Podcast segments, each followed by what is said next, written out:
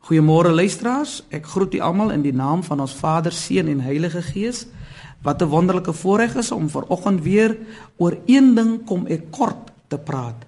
Een ding kom jy kort, gaan verkoop alles wat jy het en kom hier, neem jou kruis op en volg my volgens Markus 10 vers 21. Hierdie jong man het oor baie aantreklike deugde beskik sodat Christus hom liefgekry het. Hy begroet Jesus met die woorde: "Goeie meester." Hy was dus vriendelik, beleefd en innemend. Vriendelikheid kos per slot van reken niks in ons wêreld nie. Maar hoe skaars is hierdie artikel in ons alledaagse verkeer met mekaar. Die jong man was ook ernstig. Hy laat hom nie keer deur die skare nie, maar dring deur tot by die Here en vra: "Wat moet ek doen om die ewige lewe te beerwe?" Hy het gemeen dat hy die saligheid kan kry deur sy dade en nie besef dat dit alleen deur die geloof gevind word nie. Hy het 'n mooi karakter gehad. Hy was 'n owerste, 'n regerder in die sinagoge. Wat die tweede tafel van die wet aangaan, dit het hy alles onderhou. Hy het sy ouers geëer. Hy was nie 'n drinker, 'n vloeker of 'n dobbelaar nie.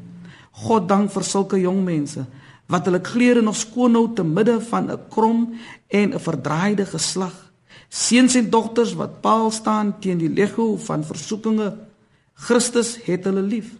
So 'n beminnelike bestaan was vir die jong owerste egter on ontoereikend. Hy was ongelukkig.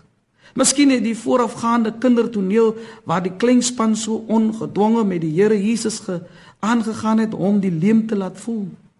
Een ding kom jy kort. Moet hy van die meester hoor.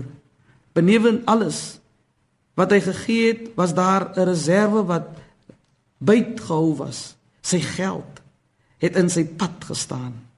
Wat is die een ding in u lewe? Dit kan nie goed u bankrekening wees. 'n Man het gekla dat sy dominee te veel oor geld preek. Kyk sê die leraar, julle siele sit in julle beursies. Ek moet eers die knip losbreek, preek om by julle siele uit te kom. Dit kan u goeie lewens wees wat u verhinder om in die hemel te kom. U is in u eie goed te goed om gered te word, want u het aan geen ding gebrek nie. Het daardie jong man die ewige lewe toe beerwe? Ons weet nie. Daar is 'n ander vraag wat belangrik is.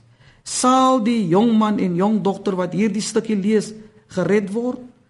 Laat niks u weg staan om die koninkryk van die hemel te soek nie.